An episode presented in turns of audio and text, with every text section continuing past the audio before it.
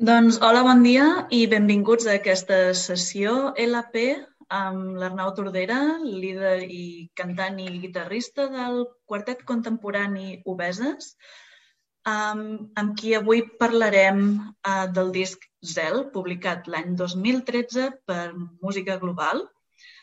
I um, aquesta sessió uh, s'organitza en col·laboració amb l'Institut Ramon Llull i la Casa de la Música. Jo sóc la Mar Manyes Bordes, eh, ex-lectora de la Universitat de Kiel, Alemanya, i actualment investigadora postdoc a la Universitat de Viena. Bon dia, Arnau. Molt bon dia, Mar. Um, bé, abans de començar una mica a parlar del, del disc, um, m'agradaria que, que ens fessis cinc cèntims una mica del, del context de la publicació d'aquest disc, de com va sorgir la idea, perquè Zel és el segon disc d'estudi d'Obeses, um, com he dit, ha aparegut l'any 2013. Um, una mica, què ens podries explicar? Bé, doncs un segon disc sempre és un moment d'impàs important en qualsevol projecte no estrictament artístic, no? O sigui, una, un segon pas sempre en qualsevol àmbit és una cosa notable i que d'alguna manera determina una mica la projecció que acaba tenint qualsevol, qualsevol projecte que, que algú decideixi tirar endavant. Nosaltres havíem culminat eh, al final de gira del nostre primer disc, Cubasisme Il·lustrat, de manera, diguéssim, inesperada. Vàrem fer un concert i casualment aquell va ser el darrer concert que teníem i, per tant, doncs, allà es va acabar aquell disc però sí que ja feia, feia uns quants mesos que havíem començat a treballar amb repertori nou i d'alguna manera teníem la inquietud d'explorar de, noves formes musicals. També la recepció del primer disc, entre cometes, des de la nostra perspectiva, havia estat eh, interessant. Evidentment no és un disc que hagués tingut una repercussió mediàtica extrema, però sí que havia arribat a certa gent i que ens havien fet arribar doncs, la, la seva inquietud per, per seguir coneixent aquesta manera de crear música i a partir d'aquí vàrem decidir embarcar-nos en la creació del segon disc, el que seria aquest gel que va arribar uns mesos més tard. I bé, és un disc que va estar fet també des d'un punt de vista estrictament de la gravació amb tota l'austeritat eh, que et puguis imaginar, perquè la major part de la música va estar enregistrada el nostre local d'assaig de llavors, que era un soterrani en condicions força lamentables. Una altra part de la música, com que tant l'Arnau Bordó com jo mateix estàvem estudiant a l'ESMUC, vam utilitzar l'estudi de, de l'ESMUC per tal de gravar alguna de les coses, que després en parlarem, eh, amb diversos estudiants de l'ESMUC que també van col·laborar-hi. I una mica va ser... El context era aquest. Sobretot la, la qüestió de tenir un gran concert programat de presentació, que el teníem programat a l'Atlàntida, no era una data inamovible i per tant havíem d'acabar el disc d'una manera rotunda i llavors també la voluntat i la inquietud de crear alguna cosa nova. Mm -hmm. Aquest concert a l'Atlàntida va ser el 22 de febrer del 2013, correcte? Exactament, i va passar una cosa que des d'un punt de vista comercial tothom amb, sempre m'ha explicitat que era un desastre i tal, però des d'un punt de vista de la història de la música, a mi personalment em, em va satisfer moltíssim. I és que varen presentar aquest disc uh, sense que hagués sortit amb anterioritat. És a dir, simplement la gent que va venir a aquell concert va escoltar allò per primera vegada a la seva vida. I en aquest sentit això ens igualava una mica amb com s'havien fet les estrenes musicals al llarg de la història. Sempre era així. La gent anava a la sala de concerts eh, expectant per escoltar una estrena d'una cosa que no coneixia prèviament. I, per tant, mm. la gent que va venir a aquell concert a la sala petita de l'Atlàntida doncs, es va trobar amb tot aquest repertori per primera vegada i la veritat és que va ser una sorpresa, jo crec que de certa profunditat. Uh -huh. Has comentat que um, és això, no? hi havia un cert desconeixement. Penses que el fet d'haver participat amb la, amb la careta de Nadal Eh, de TV3 em regala petons va tenir alguna influència en això? De cop i volta que de cop la gent tingués interès per obeses? Evidentment, és, és probable. Cadascuna de les coses que tu vas uh, aportant al, a l'àmbit públic doncs, tenen una transcendència i com més gran sigui l'aparador, doncs més projecció tens en aquest sentit. De tota manera, haig de dir que la careta de... O sigui, que la música de Regala Petons és posterior a Zel. És a dir, és, crec que és ah. l'hivern d'aquell mateix any, per tant, eh, d'alguna manera o altra, Zell ja havia fet una certa feina eh, des del punt de vista de la projecció. En aquest disc també varen decidir per primera vegada començar a fer videoclips i això també et dona un, bueno, un, un, un tipus de projecció a les xarxes que, que amb el disc, amb el disc il·lustrat, el primer disc no havíem tingut fins llavors. Mm -hmm. D'acord. Doncs, si et sembla, passem a comentar el disc. Sí? Perfecte. Um, bé, per mi, veient... Gisel, uh, ja ho saps, perdona? No, que estic veient una cosa aquí que potser serà interessant que ensenyi, que no, ah, no sí, tenia plantejat, sisplau. però és que ho tinc just aquí al costat, a dos metres, vaig a buscar. Uh mhm.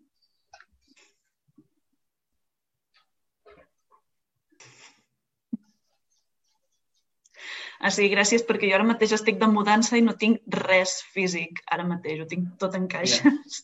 Es tracta del, del quadre de la portada del disc. És a dir, és un quadre pintat Uh -huh. De qui és obra, aquest quadre?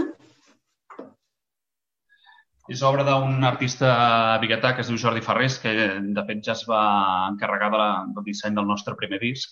Uh -huh. I per aquest disc doncs, va elaborar tota aquesta, bé, aquest, aquest, aquest quadre que llavors van fotografiar i va ser la portada del disc. Uh -huh. Molt bé. Doncs ara sí, passem a, a comentar el disc, si et sembla. Um, um, em penso que el single va ser Correm, el primer single. Correm va ser el segon single, realment, ah. perquè el primer, o sigui, la primera peça que van publicar va ser Botifarra amb seques. Uh -huh. Aquesta va ser la primera peça que es va sentir públicament uh, en una voluntat clara, diguéssim, de reiterar una mica la qüestió gastronòmica que ja havíem explorat amb pa amb tomàquet. Mm -hmm. D'acord. Eh, com que m'agradaria comentar-ho tot cronològicament, ara hi tornarem això, ho deixem apartat un segon, i um, m'agradaria uh, posar la primera peça, la ben plantada, que li, en podríem dir una sardana rock? Absolutament. De fet, aquesta era la voluntat. Uh, vaig tenir la idea de crear una peça que s'articulés amb l'estètica, la instrumentació i la forma, l'estructura vaja de, del gènere sardanístic. Uh -huh. I, evidentment, per tal d'elaborar-la, doncs, vaig haver de fer tota una feina d'investigació, perquè era un àmbit de coneixement que, no, que, que jo no tenia i que no havia adquirit al llarg de la meva trajectòria musical. Evidentment, això també denota una mica les mancances que té el sistema educatiu ja no estrictament eh, generalista, sinó concretament musical, en el sentit que jo havia estat estudiant composició a l'ESMUC i en cap d'aquells quatre apassionants anys vaig tenir oportunitat de conèixer la copla, fins i tot la sardana o el gènere sardanístic i els seus grans compositors. Així que, eh, davant de la voluntat de fer aquesta peça, jo vaig començar a investigar a buscar llibres d'instrumentació, cosa que també va ser dificultosa.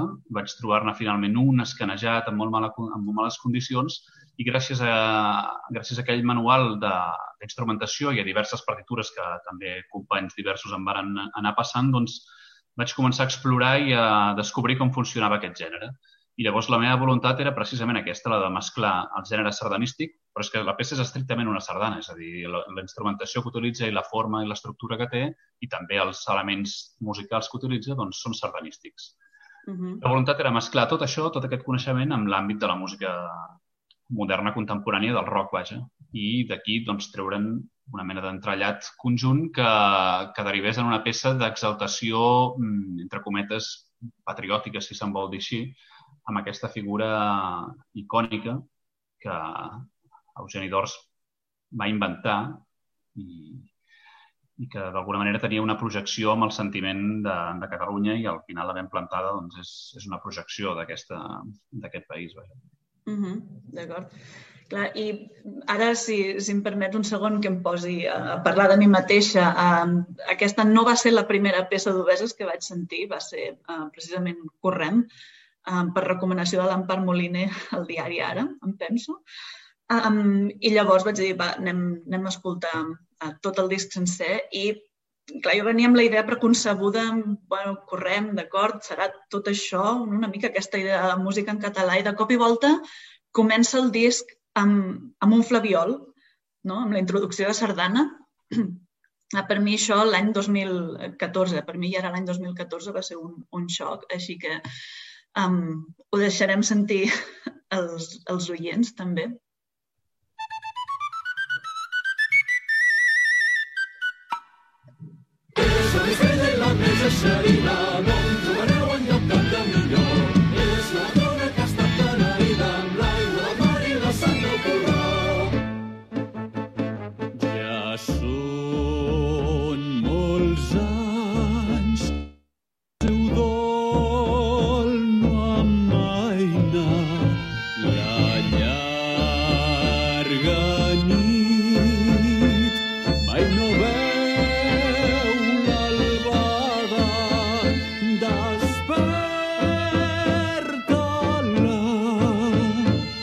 Que té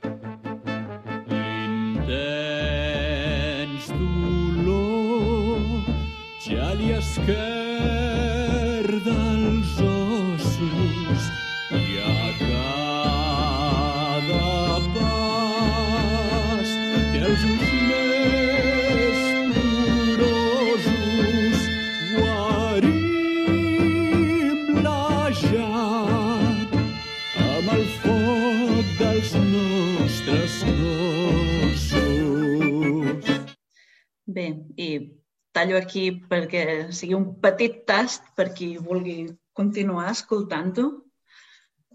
Um, Home, era tota una declaració d'intencions començar un disc d'això que s'anomena música moderna amb un introit de Flabiol. És aquesta petita melodia que s'utilitza per anunciar l'àmbit sardanístic que comença una peça. Mm, aquestes notes de Flabiol, aquest cant singular, és una... això requeriria tot un anàlisi musicològic uh, perquè cada flavi- flabiolaire té la seva manera de fer-ho, uh, cada regió es fa de manera diferent, és apassionant. I, clar, evidentment, si era una sardana, doncs havia de començar per descomptat amb l'introit. I, de fet, això ja, d'alguna manera, era hereu d'una cosa que sempre havíem plantejat, bé, sempre havíem plantejat no, perquè només teníem un disc, però que ja pensàvem que era important plantejar, que sempre els discos que, que anéssim elaborant s'iniciessin amb algun element característic, acústicament parlant. El primer disc s'iniciava amb la veu humana, el segon amb l'introit, i a partir d'aquí no era gaire important, diguéssim, tot el que hi havia, però eh, a continuació amb els altres discos que hem anat fent, doncs també hem anat considerant aquests primers segons de música de manera important. I ara estava escoltant que justament, clar, recordo que va ser una de les primeres peces en les quals vàrem començar a gravar capes i capes de, de veus. És a dir, aquí se simula un cor mixt eh, a partir de la meitat de la cançó, és a dir, primer, eh, quan entra tota la, la primera estrofa, els curts, vaja, doncs ja hi ha tot un cor i llavors més endavant el que seria la, el, el salt fort dels llargs o la tornada, entre cometes, de la música moderna, doncs apareix un gran cor eh, de veus creades només per eh, l'Arnau Bordó i jo mateix. No? En, aquest, en aquest començament d'experimentació, a crear aquest, aquest tipus de, de capes de gravació de molts cors simultanis i de crear aquest cor artificial que només és possible en l'àmbit de la tècnica de, de postproducció i de gravació. Ara amb el cor obeses ja, ja no caldria aquesta mena d'artificialitat o de... Exacte. Recentment ens hem trobat amb l'oportunitat de poder tocar aquesta peça tal i com està pensada, és a dir, amb una copla en directe i amb un cor. És a dir, el projecte aquest que hem estat uh, tirant endavant durant el darrer any uh, doncs possibilita precisament que aquesta cançó finalment pugui sonar tal i com està concebuda des d'un punt de vista compositiu, amb copla, cor i grup de rock. Uh -huh. D'acord. Um, em sap greu perquè no podríem parlar tota l'hora només d'això, uh, però hem de continuar. I la segona peça és Correm, que és un canvi de gènere absolut, que de fet és una mica la, la tònica de tot el disc. No? Um, D'on sorgeix la, la idea de fer servir un, un estil, diguem-ne, gypsy jazz, més o menys? Sí, bàsicament la idea sur, eh, deriva totalment del concepte de la peça. És a dir, bàsicament hi ha el tema de córrer i l'ambivalència general d'aquest concepte i davant d'aquesta atractiva casualitat, doncs uh, vaig tenir la voluntat de traslladar-ho a un gènere especialment rítmic, que d'alguna manera convidés mm -hmm. a l'exercici. I, per tant, doncs, uh, era adequat que el Gypsy Jazz, amb el seu ritme frenètic, la seva constància en, en la percussió i uh, també en cert virtuosisme guitarrístic, doncs uh, acabés catapultant aquesta peça cap allò que va ser una peça realment estimada també pel nostre públic uh -huh. i que utilitza recursos... Que... Perdó. El tema reapareix al disc Monstres i Princeses a la cançó Em deixaré bigoti. Correcte. Això és un recurs que hem estat teixint al llarg de les nostres, de les nostres obres que d'alguna manera hi hagi alguna relació entre elles i uh, hi ha obres que són citades a altres peces. De fet, aquesta, aquest disc, ja hi arribarem, conté el, diguéssim, la perla principal del que és la citació de l'autoreferència d'Obeses. Mm. Però sí, justament Correm és una peça que una de les, un dels seus motius melòdics característics que està utilitzant justament una escala que s'anomena escala dòrica, perquè té la sisena major, i és també una cosa característica d'aquest tipus de gènere, doncs és citat a una altra peça que vàrem compondre dos anys més tard. Mm -hmm. D'acord. Um, D'aquesta cançó també hi ha un vídeo? Sí? Sí, correcte. Alguna... Va ser el nostre segon videoclip uh, que vàrem apostar per uh, rememorar una mica aquesta estètica d'allò que eren els homes forçuts de, de principi de segle, no? que amb mm-hmm. bigotis gegantins i tal. Uh, I llavors doncs, que perseguien, en aquest cas, un, un esportista que, que d'alguna manera anava vestida a, a raó de la contemporaneitat i, per tant, doncs, també hi havia una lectura d'una un, certa persecució d'un futur anhelat per part d'aquests personatges. Ara he recordat també que és una de les peces on justament la ben plantada i correm, on en Jaume Coll eh, va gravar-hi contrabaix. També aquí eh, vam mm utilitzar el contrabaix també com a recurs tímbric eh, per dotar de certa entitat idiomàtica a aquest tipus de repertori. Mm -hmm. Seria el, el que es coneix com un acústic, potser, no? Probablement és una peça de sonoritat principalment acústica. Bàsicament hi ha guitarra, uh, guitarra acústica, que s'anomena així, uh, perquè el Gypsy Jazz uh, realment utilitza un tipus de guitarra amb corda metàl·lica però que té un cos diferent i tal, que passa que jo no, no disposo d'aquest tipus de guitarres. Uh -huh. Probablement vam utilitzar la guitarra acústica, el, el, el contrabaix i llavors, evidentment, capes de, de teclat i també també hi ha una utilització interessant de les veus d'aquesta peça. Té un, té un arranjament vocal, jo crec que molt interessant i va ser de les primeres peces on vaig començar a utilitzar aquest tipus d'acords que estan intervenint constantment a la cançó com uns personatges externs però que fan referència, que dialoguen d'alguna manera amb el missatge principal que dona la veu. A vegades jo aconsello escoltar les peces d'obeses i estar només atent a què està passant als cors, perquè uh -huh. hi ha una feina que a vegades passa desapercebuda i almenys per mi és extraordinària de gaudir. Uh -huh. Passem, doncs, si et sembla, a Botifarra amb seques, primer single d'aquest disc, i segon plat d'un àpat que hem viscut a través de tota la discografia d'Obeses, que va començar amb el Pam Tomàquet, Obesisme Il·lustrat, segueix amb Botifarra amb seques, a Monstres i Princeses ens trobem la nata muntada i ho rematem a Fills de les Estrelles amb un cafè, copa i puro. Um, bé, um, d'on sorgeix la idea de fer aquests àpats musicals, diguem-ne? Um, com la majoria de coses en l'àmbit artístic, no era una qüestió premeditada, sinó que realment va ser més fortuïta. Uh, durant l'estiu abans de gravar Zel, tant l'Arnau Bordó com jo mateix estàvem participant en una petita obra de teatre musical a Barcelona que es deia Records a Broadway, a la qual doncs, resseguíem bàsicament els primers anys de Broadway, la seva fundació i fins als dies uh, actuals. No? I, i extraiem les peces principals, etc etc. Llavors fèiem aquella funció cada dia, també anava, també la fèiem nosaltres l'Antoni Font, que és qui ens ha acompanyat en molts àmbits i ara es dedica específicament a la qüestió de la il·luminació dels nostres concerts, tot i que també és un erudit en l'àmbit del teatre musical. Bé, això és una cosa al marge. La qüestió és que estava component Zel en, en aquella època i en Burdi, l'Arnau em va retreure que no hi havia cap peça, diguéssim, que tingués el ganxo, entre cometes, comercial que podia tenir Pam Tomàquet en el seu moment. Uh -huh. I gairebé com vaig concebre com a retret. I aquella mateixa tarda al Camerino de, del Teatre Versus de Barcelona doncs, ja va néixer aquesta idea de utilitzar el mateix concepte, un, un mateix concepte gastronòmic, però en aquest cas doncs, fer-ne una lectura molt diferent. I, evidentment, l'estètica que utilitza Botifarra amb seques eh, o sigui, Botifarra amb seques és una peça, entre, o sigui, no, entre cometes, no, directament, explícitament còmica des d'un punt de vista de la seva temàtica i des d'un punt de vista de la seva sonoritat, perquè utilitza clitxers propis de, del gènere del, del rock, eh, del hair metal, eh, o sigui, diversos recursos característics, prototípics, eh, ultra utilitzats, eh, eh, que d'alguna manera doncs, testimonien un tipus de gènere, un tipus de tarannà, d'aquesta masculinitat eh, dels anys 80 tan característica i el videoclip, diguéssim que subratlla de manera explícita aquest tipus de, de dinàmiques. Sí.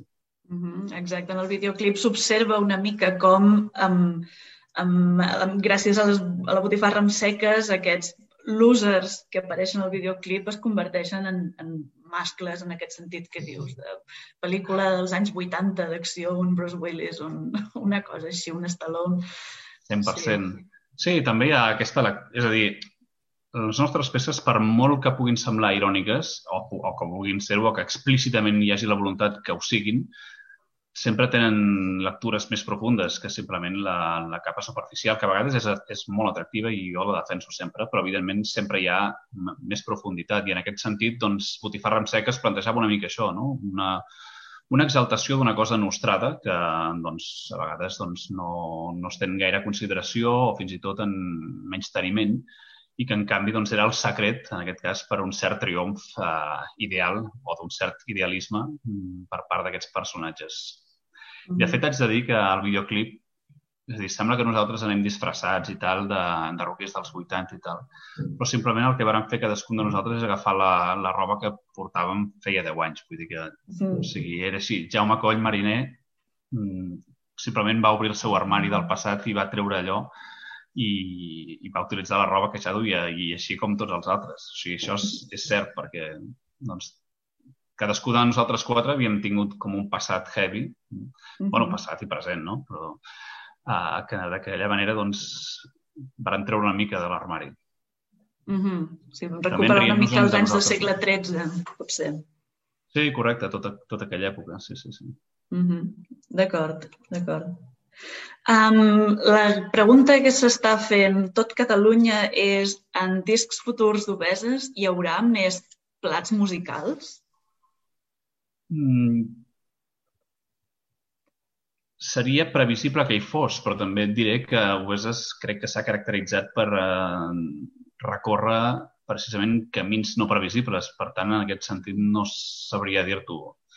Ara mateix puc garantir-te que no hi ha cap peça gastronòmica dins de cap carpeta que tingui per aquí el meu ordenador. Però bé, no descarto res. Doncs esperarem a sentir el, el proper disc.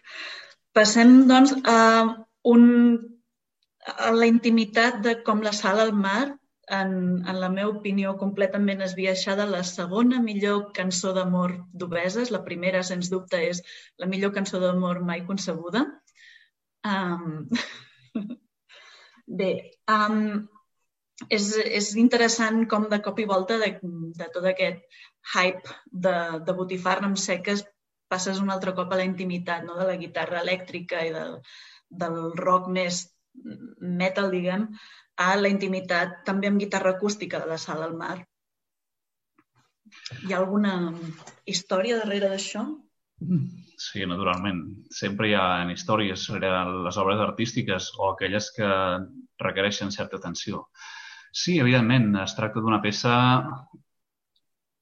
en la qual tenia la voluntat d'explicitar la meva veritat més pura i, per tant, per aquest motiu és una peça que, com bé deies, utilitza estrictament, en aquest cas és guitarra uh, clàssica, guitarra clàssica, mm -hmm. Guitarra clàssica i veu, que són els, més, els meus dos instruments uh, malgrat, evidentment, toqui majoritàriament la guitarra elèctrica, jo vaig iniciar-me en la guitarra clàssica, vaig estudiar guitarra clàssica i tinc una estima especial i profunda per la guitarra clàssica. Llavors, eh, com la sala del mar utilitza també recursos característics del que és el guitarrisme clàssic, entre cometes, en, en la seva creació d'acompanyament, tal com utilitza en alguns moments les terceres per acompanyar, etc etc. I és una peça que Sí, en efecte, és una peça d'amor, com bé deia, és una cançó d'amor, malgrat que en realitat és una peça de, de comiat, eh, d'alguna manera, o de, de la consciència d'una absència. Mm? En aquest cas, utilitzant doncs, el, com una, un petit, una petita història marítima que d'alguna manera també vinculava amb l'univers estètic i, i semàntic de, de la vanera, Uh -huh. O sigui, la peça es construeix realment sota el paràmetre de ser una vanera contemporània i això d'alguna manera reflex, reflecteix en, en la temàtica i també en certs tipus d'acompanyament rítmic que utilitza la guitarra, que són característics, idiomàtics del gènere. Uh -huh.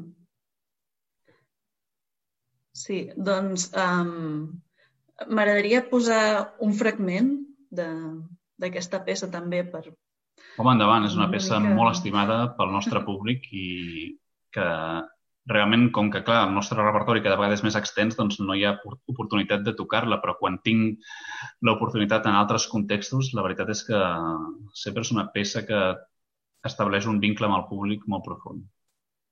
Sens dubte, sens dubte. L'enyorem molt, els concerts. Uh, espera un moment.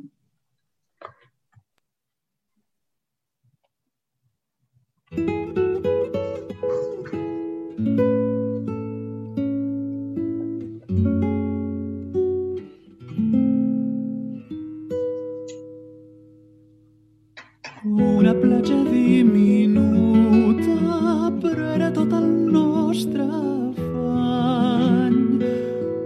Plens de sorra blanca ens hi estimàvem fins que el dia es feia clar.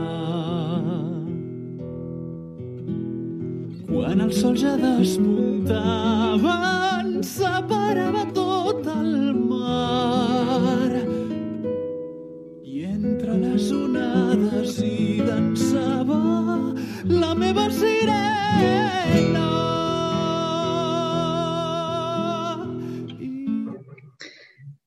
I un cop més deixo que el públic després vagi a buscar i escoltar la peça amb tranquil·litat i a fer audició és una cançó que també, casa. És una peça que ha generat uh, força interès també en l'àmbit, entre cometes, el que pot generar, l'interès que pot generar en l'àmbit guitarrístic. Uh, és a dir, molta gent encara ara m'escriu i em demana les partitures d'aquesta cançó, que en el seu moment, com que disposava més temps que en la contemporaneïtat, doncs vaig transcriure de manera perfecta, vaig fer una partitura llegible, intel·ligible i s'ha tocat diverses vegades tot i que la proesa segueix sent tocar i cantar. No? En aquest cas, això sí que és més complex. Però eh, em consta que hi ha un, com a mínim un altre músic va fer-ho, un tio excel·lent del Moianès o alguna cosa així. Mm -hmm. D'acord. Um, així, per, per tancar el, el tema, amb, com la sala al mar, tota la lletra uh, es, es pot llegir en clau lírica i les, les lletres tenen un pes molt important a la música d'Obeses. És sempre una creació únicament d'Arnau Tordera o és un procés col·lectiu? Que tenim no. en Jaume Coll, poeta. Sí, clar, grup. clar. Home, mm. excel·lent, excel·lent poeta, meravellós poeta.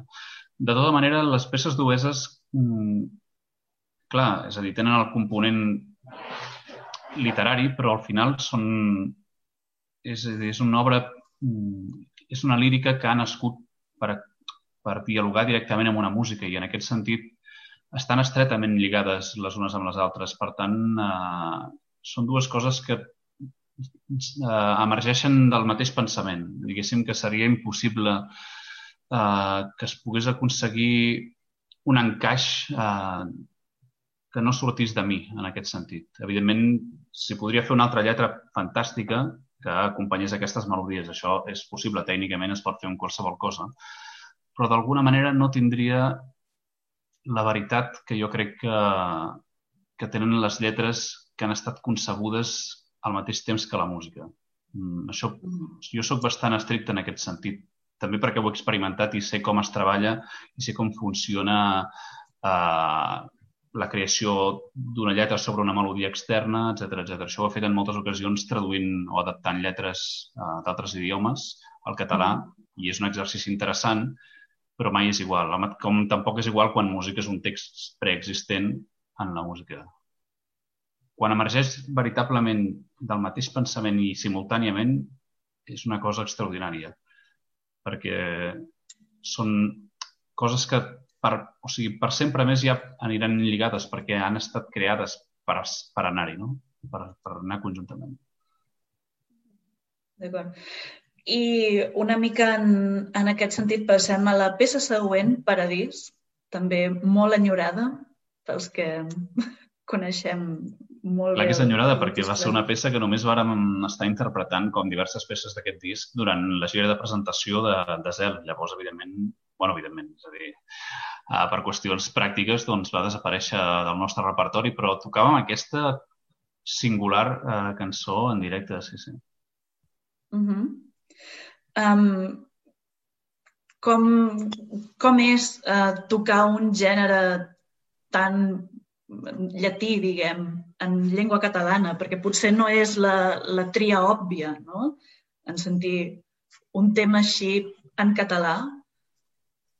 De fet, la raresa principal diria que ja no és tant aquesta que subratlles, que ho és, sinó més aviat que hi hagi una convergència entre el gènere de la música llatina i eh, l'àmbit del metall. En aquest sentit, mm -hmm. diguéssim que aquesta conjunció per mi és més estranya o més rara, diguéssim, que la qüestió estrictament de la llengua.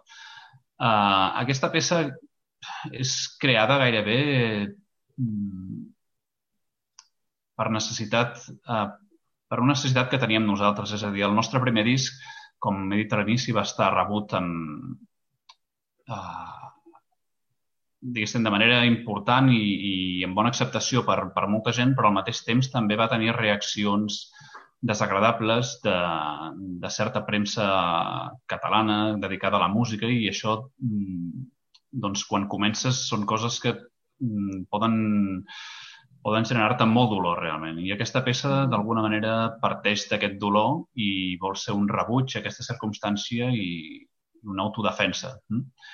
I llavors vàrem considerar que aquest tipus de, de gènere doncs, s'adequava doncs, bastant a aquesta voluntat expressiva. Uh -huh. Volem escoltar-la? Sí, podem escoltar, sí, escoltarem la introducció. Uh -huh. sí. Aquí sí. Si us, hi ha una cosa interessant que és que el piano està fent...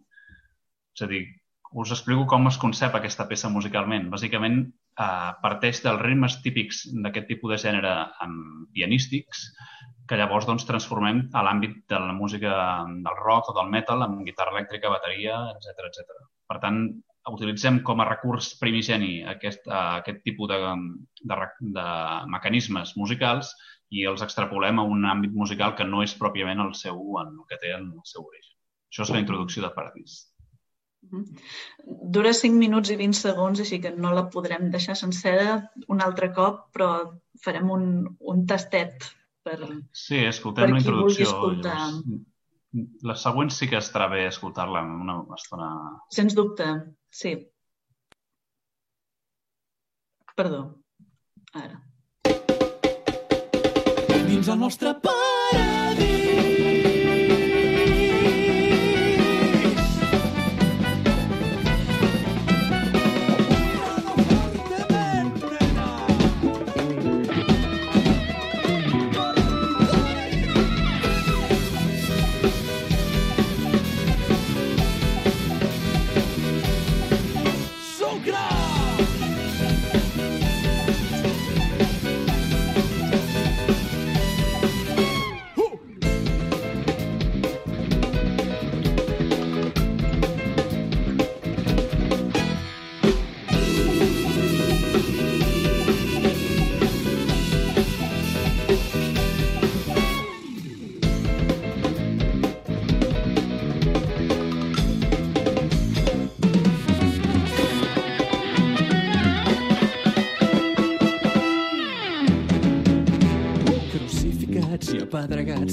com si fossin pecats. Hem suplicat i hem implorat i les llàgrimes les han ignorat. La desil·lusió fa néixer l'odi i el rancor. Encomanat d'esperança que la nostra sort s'atansa. Ull per ull i dent per dent ja veurem què és el que acaba perdent. Només el temps, el temps dirà qui rebrà més de la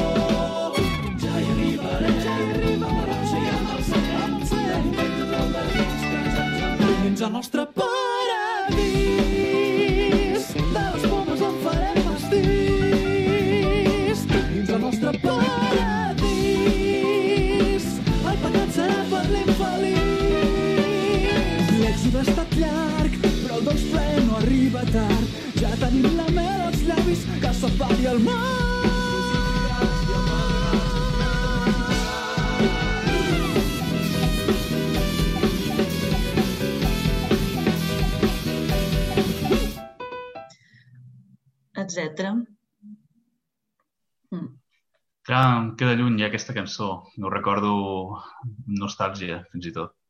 Mm -hmm. Hi ha cançons d'aquestes que un cop, entre cometes, les vas abandonar, ja no hi, ja no hi has tornat, entre cometes, de tant en tant, quan algú te les esmenta o, o l'escoltes perquè de cop algú hi fa algun, alguna menció, doncs és com un retorn a un cert passat i emergeixen tot de records que, que tens d'aquella època. Mm -hmm. Sí. Però bé, aquí um, ara escoltant m'he donat que hi ha una mica també aquesta idea d'ens en sortirem que reapareix a Fills de les Estrelles amb, el, amb la peça homònima. No? És una mica...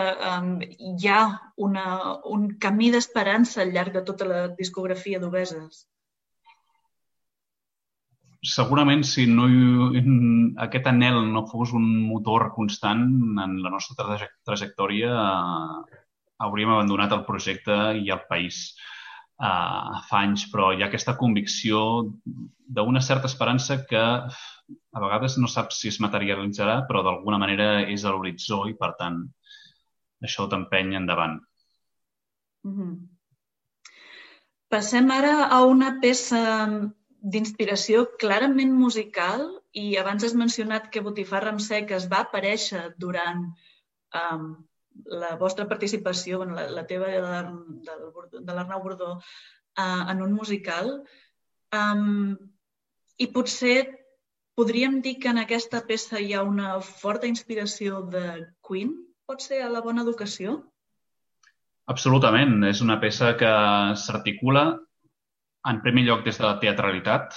Bàsicament, qui protagonitza la peça és un personatge i això no sempre passa. A vegades les peces simplement són cantades i tal. Aquí no, aquí la canta un personatge que d'alguna manera vaig idear i tot el que explica, tot allò que narra, tot allò que li succeeix al llarg de la cançó eh, està elaborat i teixit eh, a partir de recursos que d'alguna manera són eh, heretats de la manera de fer de Queen, per descomptat, i no, no només no me n'amago, sinó que en faig bandera. Aquí hi ha una utilització dels cors i especialment en aquesta peça de les guitarres elèctriques en el seu acompanyament, eh, que al mateix temps és un tipus d'acompanyament que Brian May utilitzava simulant certes bandes de vents eh, una mica anteriors, de Dixie i d'aquest tipus d'estils, doncs apareixen, tots aquests recursos apareixen a la bona educació que des d'un punt de vista compositiu, per mi és una de les grans, grans cançons d'aquest disc, eh, mal, malgrat que a vegades, doncs, evidentment, doncs, hi ha altres peces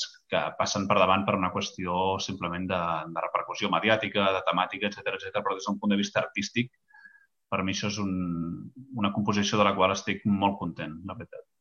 Uh -huh. Hi ha alguna inspiració concreta darrere de la frase quan necessites miccionar topes amb la gota d'un marrà? Bé, diríem que la, el propi devenir de la vida, uh, uh, la vida mateixa et colpeja amb aquest tipus de circumstàncies. És una peça que, exemplifica una mica, jo crec, el tarannà de, de la humanitat en molts sentits. No? Eh, la queixa perpètua, sobretot, i una queixa mm, que al mateix temps pot ser dirigida cap a tu mateix, perquè tu també ets, eh, al final, l'articulador d'allò que d'allò que rebutges, no? I, uh -huh. O sigui, bàsicament la cançó, el personatge que la canta, acaba sent un mal educat i aquí és on es tanca el cercle d'allò que intenta rebutjar i d'allò que critica i al final és allò que ella bandera en primera persona sense ser-ne del tot conscient. Mm -hmm. Però això està exposat amb aquesta textura còmica, divertida i, i com deies, amb una essència teatral, també, eh, per descomptat, cabaretera, fins i tot és hereva aquesta cançó d'un tipus de gènere que és el coplet, que, que està absolutament desaparegut i que jo intento reivindicar sempre uh, aquestes cançons que tenien una personalitat pròpia, un, una identitat i que per, a través de la ironia eren capaces de, de fer crítica social o d'exposar temes que a vegades no eren del tot agradables. Mm -hmm. Doncs amb aquesta reivindicació de, del retorn d'aquest gènere eh, escoltarem la cançó.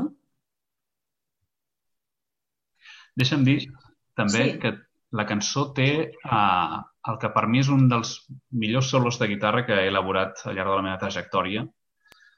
Um, inesperadament, perquè diries que no és una cançó que hauria de tenir un solo de guitarra des d'un punt de vista, entre cometes, convencional, i en canvi, no sé per què, va sortir un, un solo de guitarra extraordinari. Estic realment satisfet d'aquesta peça, ja ho he dit abans i ho ressalto, perquè aquest matí l'he escoltat i he recordat que m'encantava. I com dic abans, doncs, com deia abans, doncs el solo de guitarra és especialment rellevant dins de la peça.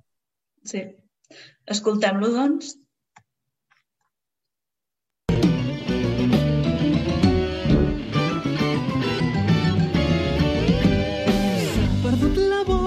Educació, no hi ha cap respecte ni perdó, ja ningú cedeix el pas t'ajuda amb el que vas. Però val més no preocupar-se, ja que és fàcil alterar-se. La gent va pel món escridassant, no es diuen paraules de mancat.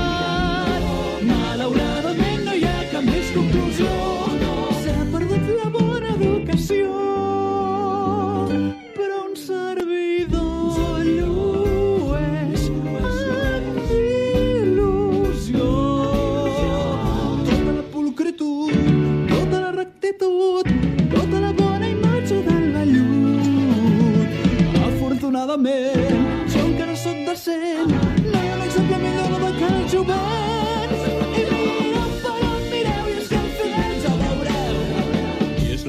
I qui és la pobra creu. S'ha perdut la classe i el bon gust, no s'inclinen al davant d'un bust, però és que no venen perfums. La gent pot més que els llegums, el millor és no morir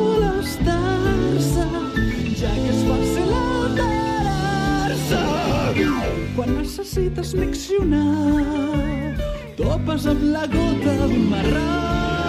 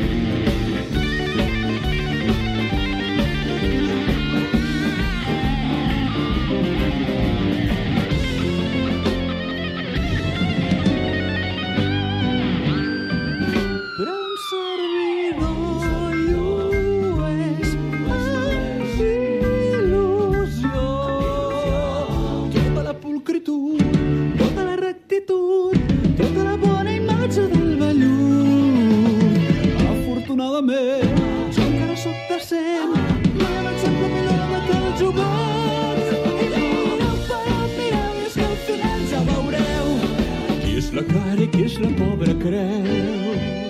Tard o d'hora arribarà el moment en què explotaré enèrgicament.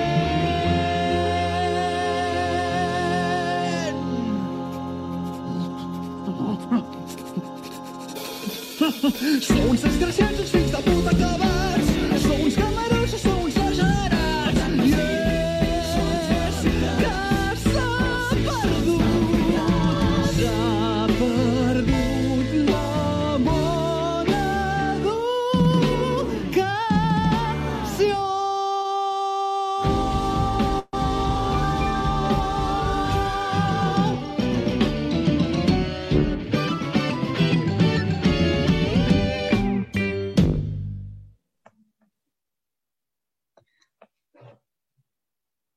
efecte, un, un solo que recorda a, a Brian May. Fins i tot els cors, ara al final, he tingut un, un flash de Bohemian Rhapsody. I a la vegada, no sé si era la inspiració, però també m'he imaginat una mica el, el cabaret, de la pel·lícula Cabaret. No? O sigui, m'imagino Joel Grey o, o Liza Minnelli fins i tot cantant això. Sens dubte, és que és un tipus de gènere que a mi em fascina, m'agrada moltíssim i, i de fet a cada una de, a cadascun dels discos d'Obeses hi ha com a mínim alguna peça que ens vincula a aquest gènere cabaretesc de, de la música de sala, de bar, de, de, de music hall petit i en fi, que tinc debilitat per, per aquest univers acústic. Mm -hmm. sí. Així doncs, podríem dir que algun dia um, que hauria la possibilitat de fer un musical d'obeses o fins i tot un, un espectacle tipus cabaret. De fet, ja n'havies fet algun, tu, amb el Jordi Domènech? Sí, correcte. Jo havia estat fent un espectacle que es deia Remena Nena, amb en Jordi Domènech i l'Orquestra de Cambra de Terrassa, on rememoràvem eh, peces històriques, icòniques, extraordinàries del repertori del paral·lel dels anys 20, i tant que sí. Mm -hmm. D'acord. I després d'això ens trobem amb Melisma, que és un cant gregorià, i el primer cop que fas audició del disc Zel és un què ha passat aquí?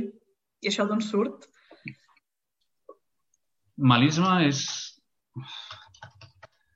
És que, clar, melisma surt de la, del propi concepte de melisma. És a dir, melisma, si busques al diccionari, et diu, en la música grega antiga, substitució d'una nota llarga, eh, d'una nota de llarga durada per una sèrie de notes més breus. Mm? Això simplement és en una síl·laba concreta, en la vocal d'una síl·laba, doncs, o en, en una vocal, en definitiva, doncs, en comptes de fer-la amb una sola nota, doncs, utilitzar més notes. Jo puc dir mar o mar. He fet un malisme amb la A de mar. Mm -hmm. Doncs d'aquesta estupidesa de la llengua se'n va ocórrer de fer, d'elaborar una peça que digués la paraula malisme, que utilitzés aquest recurs eh, de la música, eh, sobretot litúrgica, i que, precisament, com que coneixem aquest recurs, sobretot per pertànyer i per, i per estar um, utilitzat a aquest tipus de repertori, doncs crear una peça que utilitzés l'estètica de la música religiosa. Mm. Així que Melisma està concebuda a partir d'un mètode compositiu que és, el, és la fuga, que és un tipus de tècnica compositiva que, evidentment, avui en dia ja no passa pels seus millors moments, però que durant molts segles va, va estar considerada com diguéssim, un dels, dels elements principals en la fita de la composició. És a dir, qui dominava l'art de la fuga doncs, era un gran compositor. Així que vaig decidir crear Melisma, en la qual tres veus elaboren una fuga a tres veus, òbviament, i cadascuna d'elles, doncs, simplement el que fa és un melisme sobre la paraula melisme. Melisme, és, en definitiva, és això, és com un metagag, mm, és un bombó. No?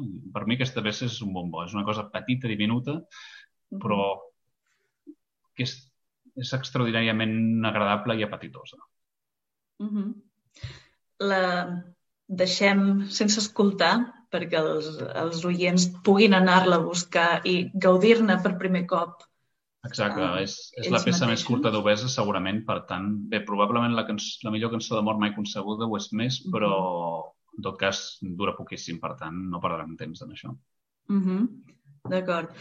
I a continuació ve el debat, també una, una peça de tall teatral, podríem dir-ne, però amb, amb una forta càrrega de crítica social. En quin context um, se t'acut de dir, d'acord, ara farem un debat um, que, a més a més, després ho comentarem, també té una falca publicitària um, bastant El debat és, neta. és una paranoia absoluta que no sé com ens vam atrevir a fer aquesta peça. O sigui, és una peça que... És que dius que té inspiració teatral i sí, podríem estar-hi d'acord, però és que ja va molt més enllà d'això, perquè o sigui, allò que genera veritablement la pulsió creativa del debat és una, és una qüestió eh, ridículament musical, que és el fet del 4 i el 3. Mm? Uh -huh. És a dir, és la, la simultaneïtat mm, d'aquests valors rítmics Uh, I llavors se'm va acudir que podria utilitzar aquesta qüestió de, de, del 4 amb el 3 simultàniament, uh, doncs, uh, considerant cadascun d'aquests valors com un àmbit de pensament ideològic. I en aquest sentit, doncs, evidentment, el 3 era perfecte per uh, subratllar i explicitar i definir el que és la burgesia i el seu, el seu gènere històric eh, com a vals eh, austríac, vienès, eh, i el 4-4, doncs, propi, entre cometes, de la música més urbana i, i bàsicament hi ha un debat electoral entre dos personatges, cadascun, entre cometes, de, provinents de... són antagònics, diguéssim, des d'un punt de vista ideològic, Evidentment, això està utilitzat, eh, utilitza tòpics eh, principals de, de cadascun dels pensaments i, i reduccions per descomptat, però que era interessantíssim perquè al final que es volia testimoniar és l'hipocresia política i que segueix sent una cançó que passen els anys i segueix tenint vigència, perquè al final aquests dos eh, polítics de pensament contradictori, un dels quals està expressat a través del 3, del compàs ternari, i l'altre quaternari, doncs acaben pactant i això que és un impossible que el 3 i el 4 sonin simultàniament, doncs aquí acaba passant. I...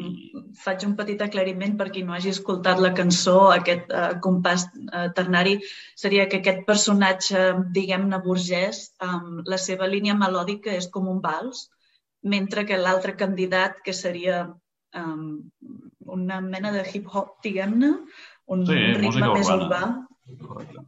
Mm -hmm. Exacte. I entremig de tot això hi ha una falca publicitària, com si fos en efecte un, un programa televisiu o un, un programa de ràdio, eh, que a Catalunya des de fa 10 anys és, és, és com una constant que tenim cada sis mesos debats electorals i, i eleccions, etc.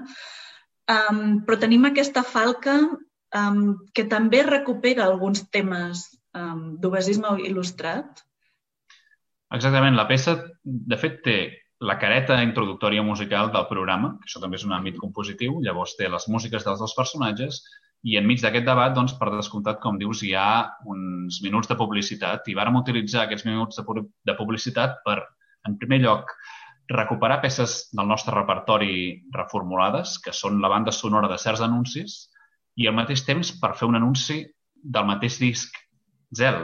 És a dir, hi ha un anunci d'aquest disc dins d'aquesta cançó on passa una cosa extraordinària. Això és una genialitat i ningú valora. Uh, que és que en un moment d'aquest anunci del disc sona un fragment del debat que el debat mateix encara no ha sonat, sinó que és més endavant. Hòstia, això és una puta obra mestra. O sigui, uh -huh. és el millor que he fet artísticament, aquest gest. Uh -huh. Només posar aquest moment del debat quan encara no ha arribat aquest moment. Uh -huh. Això és extraordinari ja sé que això no és música, o sigui, no és un gest musical, però des d'un punt de vista de la paranoia extrema que significa, requeriríem molts premis. Mm -hmm. um, a nivell personal, jo el primer cop que vaig sentir el debat no en vaig ser conscient de tot això fins audicions molt posteriors, inclosa, inclòs un repàs a obesisme il·lustrat, així que um, és, sí, sí, sí, per descomptat. No? És un tipus de peça que requereix eh, que hi dediquis un cert esforç. Però no només aquesta cançó, diria que tot el repertori d'Obeses i la banda mateixa. No és una música que t'arribarà inesperadament i... O sigui, el gaudi profund requereix esforç. Això en música i en qualsevol circumstància de la vida. Uh -huh. I tornem a, a parlar d'un tema que reapareix en, en obres posteriors d'Obeses, concretament el Quarteto Buffo di Polame, um, que és, és una resposta al, al dueto Buffo di Due Gatte de Rossini? Exacte, certament. Al, al nostre primer disc hi ha una versió, com comentes, de Rossini, uh, una versió d'una peça de Rossini que no se sap si ella la va compondre amb la voluntat que la cantessin dos gats, però si més no, si dues, dues veus femenines, llavors aquesta peça va transcendir de manera que era Dueto Buffo di Due Gatti, en la qual dues veus imitaven dos gats, forma part del nostre primer disc, i se'ns va ocórrer que seria fantàstic, ja que érem quatre, doncs fer un quartet. Uh -huh. I aquí vàrem crear tota una història amb una música d'estètica balcànica, entre cometes, hi ha molta presència dels metalls, i en la qual doncs, diverses aus de corral el que intentaven fer és eh, derrocar un rei autoritari que resultava ser el personatge conegut amb, com a Pingu. Uh -huh. eh, I que, bé, la història narra aquest episodi d'empoderament de, d'aquestes aus de corral doncs, que finalment assassinen el tirà Pingu i s'alliberen i són felices. Uh -huh. Sí. Um, em faig un, un petit tastet, però molt, molt breu, perquè després passarem a, a la que potser és la peça central de, de Zel, que és l'ombra sols fuig en la nit. Um, un moment. Ah, per què no baixa?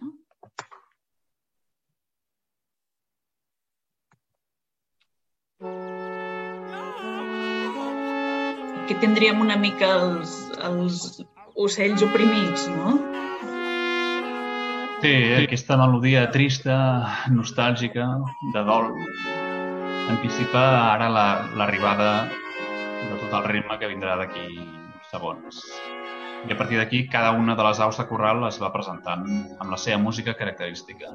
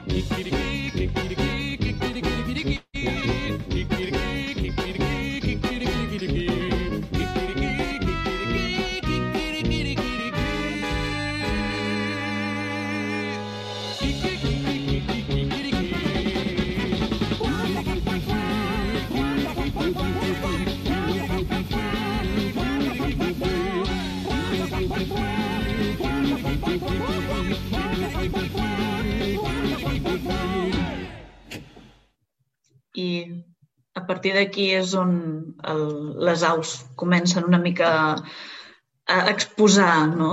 tot el, el que podem fer per alliberar-nos del malvat rei Pingu. Sí, exacte, i és interessant destacar que, clar, és una peça que només utilitza les onomatopeies en, en el, el transcurs de, de la seva explicació.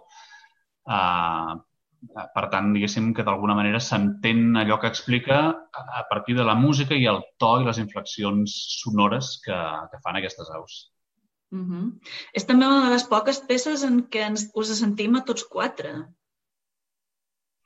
Explícitament, si més no. Sí. De fet, alguns sons que hi ha en tots els discos d'Oeses són, són gravacions de tots quatre. El que passa que clar, la gravació vocal pròpiament cada cop ha quedat més a les mans de l'Arnau Bordó i de jo mateix o de coristes convidats, perquè en Maiol i en Coll tenen grans talents interpretatius, però no tant vocals, diguéssim. Uh -huh. D'acord. I passem ara sí a l'obra mestra, l'obra central d'aquest disc, um, que és uh, l'ombra, l'ombra sols fuig en la nit, una peça um, que explica tota una història. Sí, t'agraeixo aquesta consideració que li otorgues, uh, sobretot perquè jo recordo que quan varen treure el disc va ser una peça amb la qual hi havíem abocat una quantitat d'esforç uh, realment extraordinària i en un primer moment tampoc va ser considerada en, en, en tant valor com nosaltres creiem que mereixeria. No? Uh, evidentment, els anys li han, li han, li han concedit l'estatus que mereix. Sí, l'ombra sol fuig en la nit és la reflexió és una peça de, de reflexió profunda sobre l'existència humana.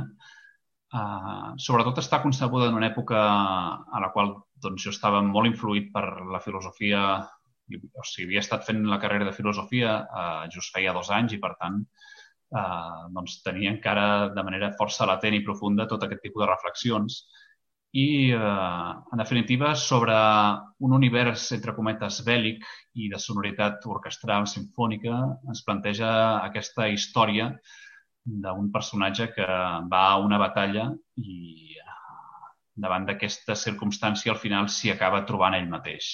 És a dir, tot parteix d'una un, reflexió filosòfica que en aquest cas eh, conjuga tres, tres vessants de pensament.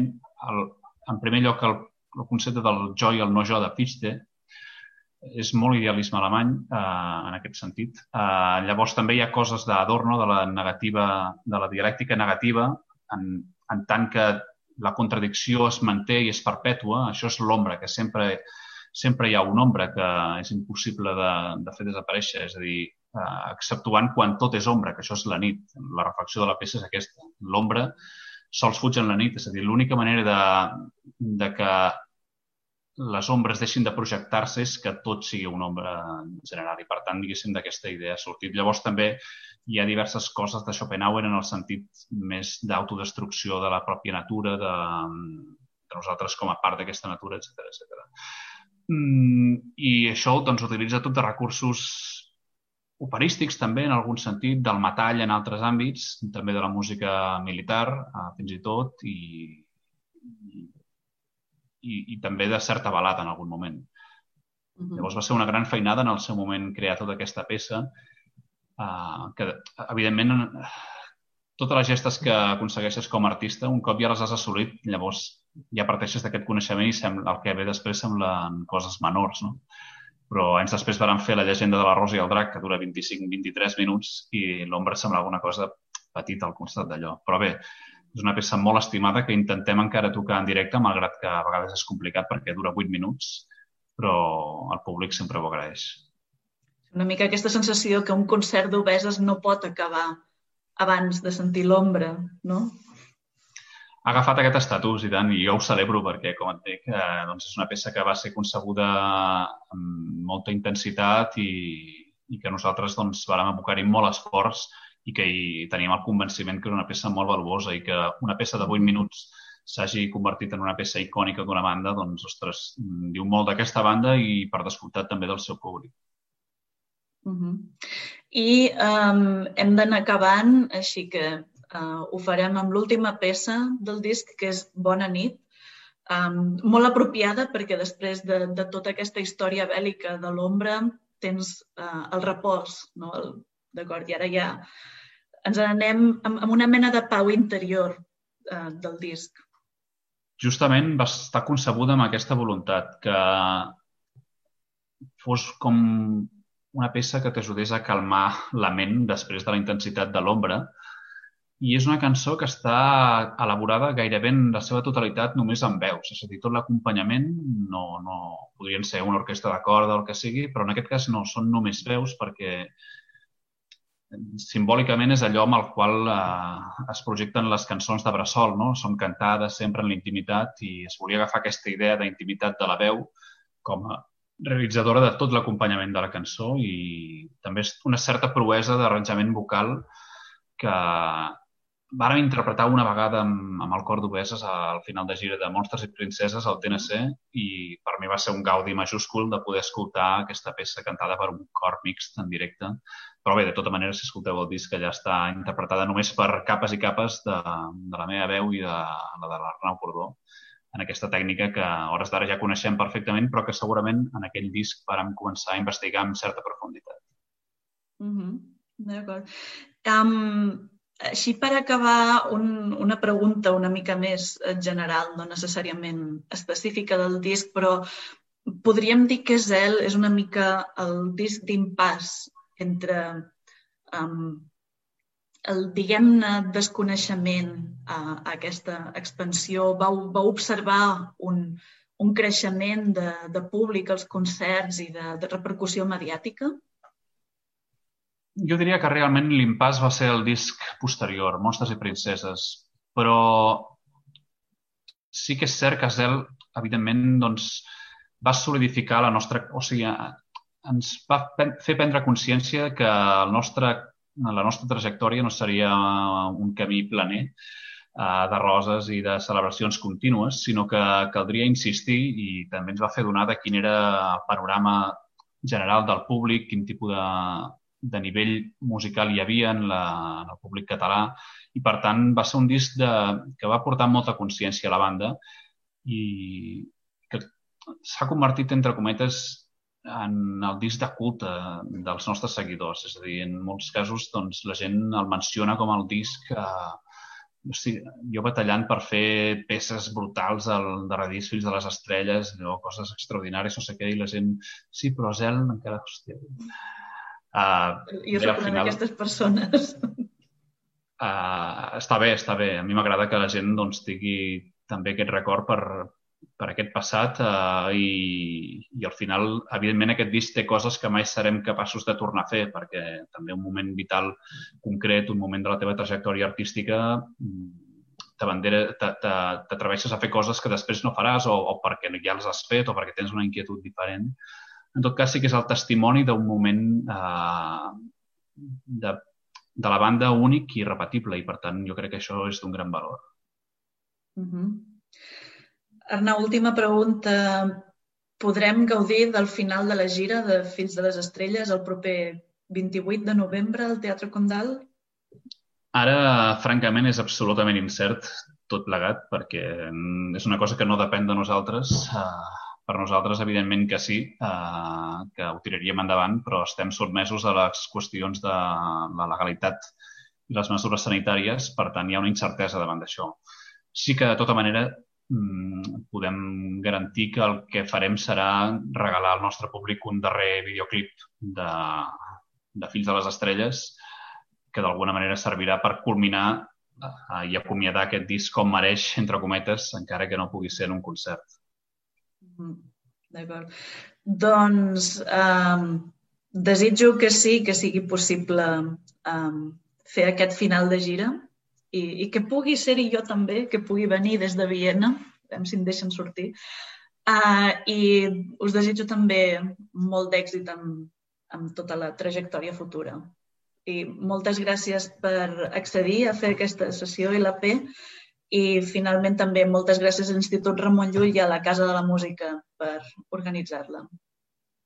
Doncs moltíssimes gràcies a vosaltres per convidar-me i gràcies també a tots els espectadors que, que us segueixin per gaudir d'aquest petit moment de llum entre la foscor que ens acompanya. Moltes gràcies. Adéu.